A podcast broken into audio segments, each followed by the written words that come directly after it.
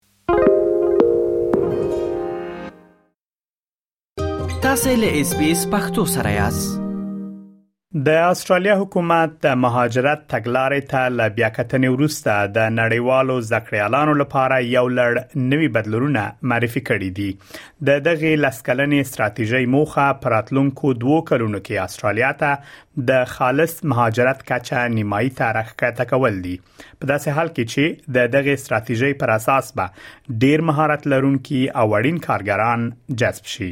د استرالیا فدرال حکومت په داسې حال کې دغه ستراتیژي اعلان کړې چې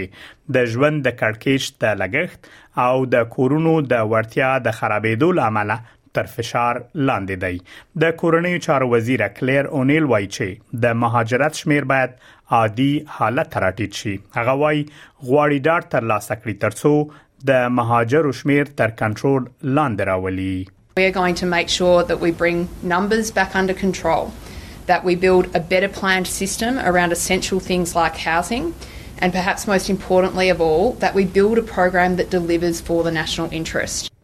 د استرالیا د پولو ل بیا پرانستلو وروسته د خالص مهاجرت کچه په تیر مالی کال کې ل 1500 زره څخه پورته و مګر حکومت هیله لري ترڅو د نوې ستراتیژۍ ل اعلان وروسته تر 2025 کال پورې د خالص مهاجرت کچه 250 زره ته راټیټه کړي چې دا به تر ډیره حده د نړیوالو محصلینو ویزو لپاره د سختو قوانینو په معرفي کولو سره ترلاسه شي د راتلونکو کال له پیل څخه به د زکړیالانو او لړمحاله فارغینو د ویزو لپاره د انګلیسي ژبې اړتیاوې لوړ شي کلیر اونیل وایي چې دا بدلون به په استرالیا کې د زکونکو د زکړې تجربې کیفیت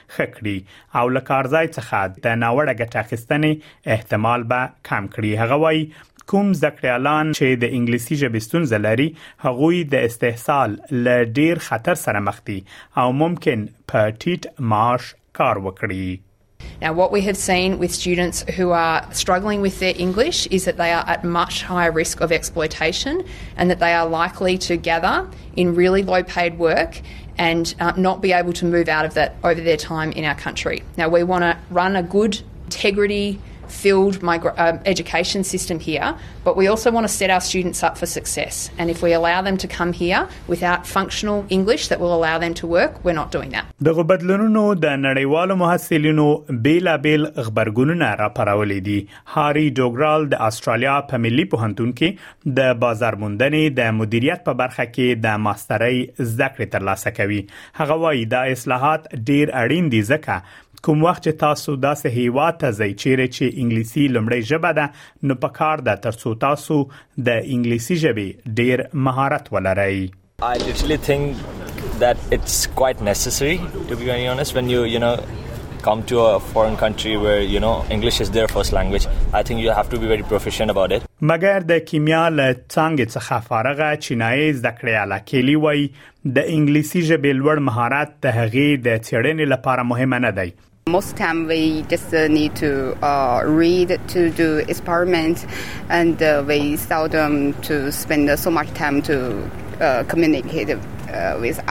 د مهاجرت د نوي پلان موخه دا هم ده ترڅو د لنډمهاله کاري ویزو شمیر هم کم کړي. د اسټرالیا د ټیکنالوژۍ شورا اجرایوي مشره کیټ پونډر وايي، په دې کار سره به ډیر مهارت لرونکي کسان جذب شي او د ویزو د غوښتنلیکونو ارزونه به هم چټک شي هغه وای د استرالیا په اقتصاد کې د مهارتونو یو ژور کمبود شتون لري There are some very deep skill shortages in our economy. which when we don't get them right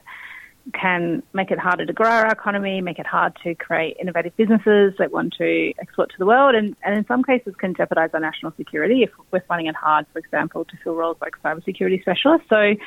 We just think that this change is going to be really vital to put us on a better footing economically as well as a more secure footing uh, when it comes to areas like cybersecurity. ځینې د مهاجرت لوړه کچه د کورونو د لوړو بیو او په ښاري مرکزونو کې د ژوند د ټیټ کیفیت لامل ګڼي د اپوزيسيون د مهاجرت ویان دان تیهان هم یو له دغو کسانو څخه دی هغه وایي په می میاشت کې دوی وړاندوینه کړې و چې 1.15 میلیونه کسان به په 15 کلونو کې استرالیا ته راځي مګر نن دا معلومه شو چې د مهاجرو شمیر به په 15 کلونو کې 1.8 میلیونه ووسیږي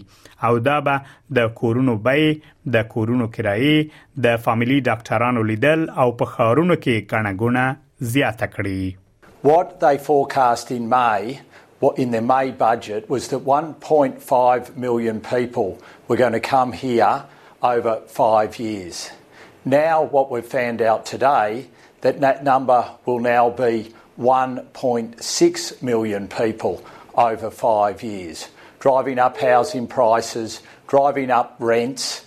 driving up your inability to be able to see a GP, driving up congestion in our major capital cities. اس پی اس پختو په فیسبوک کې تا کې پلی مطلب یو فاک کړئ نظر ور کړئ او له نورو سره شریک کړئ